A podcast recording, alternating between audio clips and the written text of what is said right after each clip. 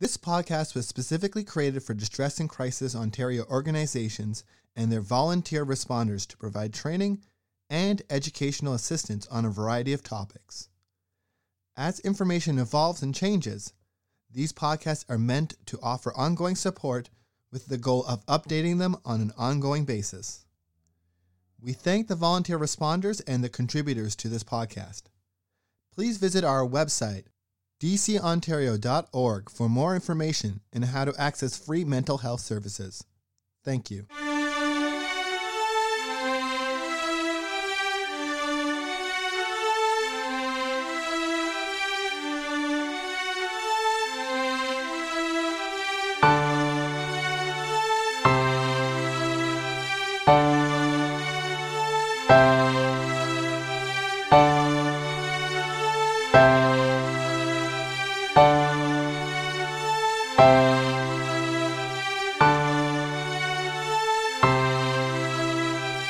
Hello, and thank you for choosing to listen to our podcast. My name is Caitlin Plant, and I am the program manager at Distress and Crisis Ontario. And this week, the podcast has been written by Harissa Selvanayagam, a health promotion intern with DCO. Today is the last day of January, and we hope all of our listeners are well and enjoying the snowy and cold weather outside if you live in an area similar to ours.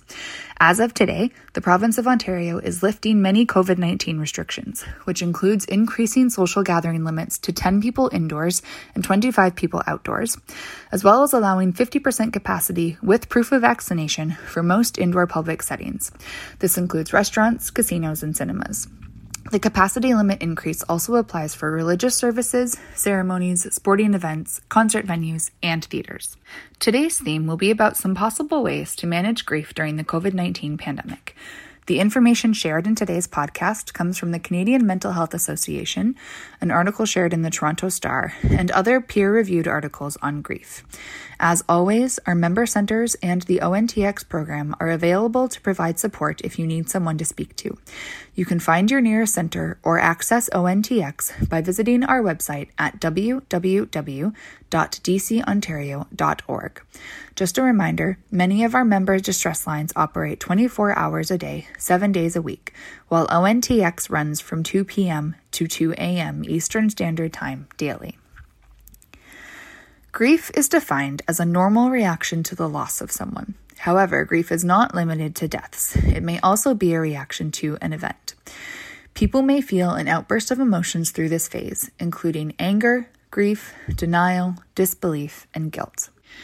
The COVID 19 pandemic has had an influence on all of us, whether minor or large, on our everyday routines and or schedules. Aside from losing someone, some people may experience grief in other ways, such as financial due to facing unemployment, socially because of not participating in special events such as family gatherings or celebrating birthdays, there may be a psychological effect like depression or anxiety, some physical effects from not being able to go to the gym due to lockdown limitations, and or emotional effects like losing touch with friends or not being able to go to school.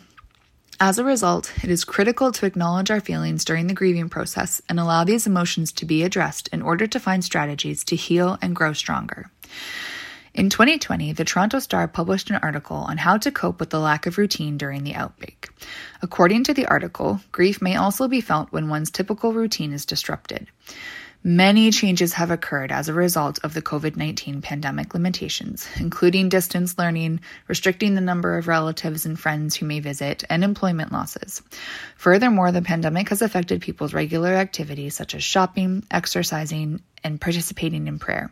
According to the Mayo Clinic, a lack of interactions and connections with other people might make it difficult to cope with unexpected losses and emotions and to know how to move ahead. Furthermore, the pandemic may have an impact on an individual's personality and or sense of self. For example, if an individual is attached to their friends and enjoys going out, losing those ties and being isolated to one's house due to restrictions may have caused a person's identity to be challenged and shifted to something new. Because grief is not linear, it is normal to feel a variety of emotions at the same time while processing any related feelings. It is vital to understand that there are several varieties of grieving, such as ambiguous grief, latent or hidden sadness, and anticipatory grief. Ambiguous grieving occurs when a loss happens unexpectedly and there is no clear explanation of why it occurred, resulting in unresolved feelings. These losses include not just the loss of friends and family, but also loss of confidence, job stability, feeling of belonging, self esteem, and other factors not related to death.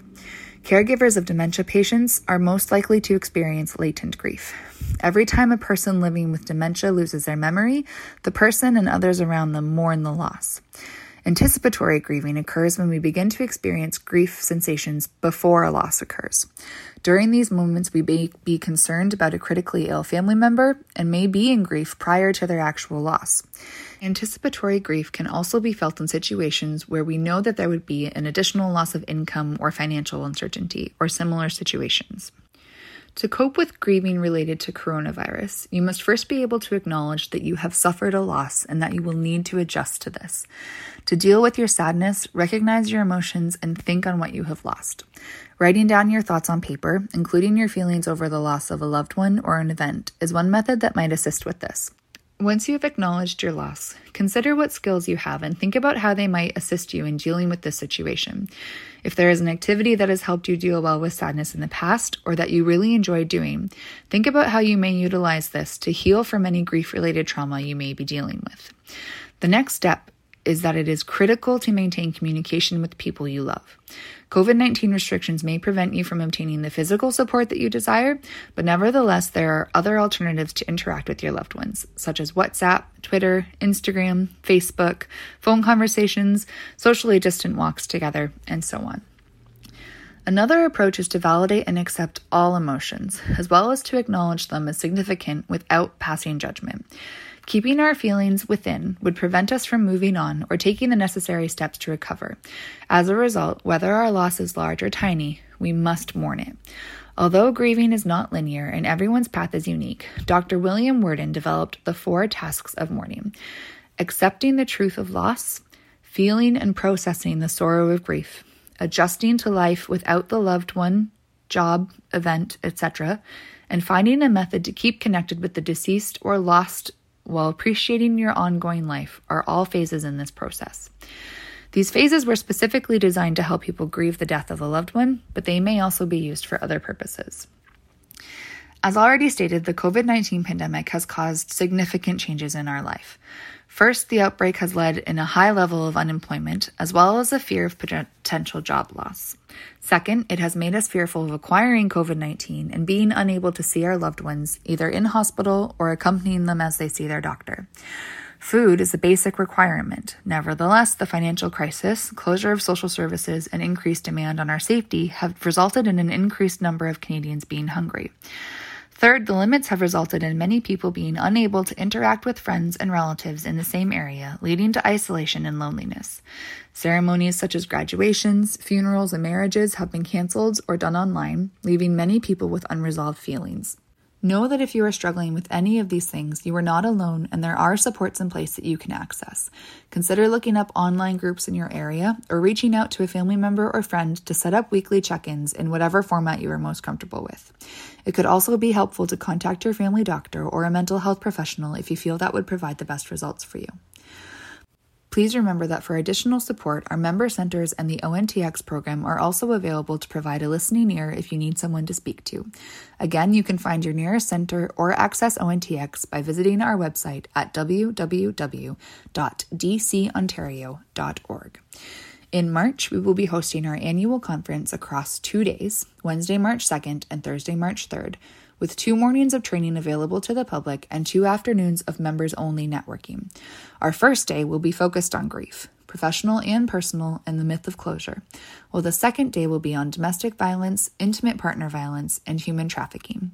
For more information and to purchase tickets, visit our website and click on the Events tab. Thank you for listening to this week's podcast. We wish you all the best and hope you'll join us again next week.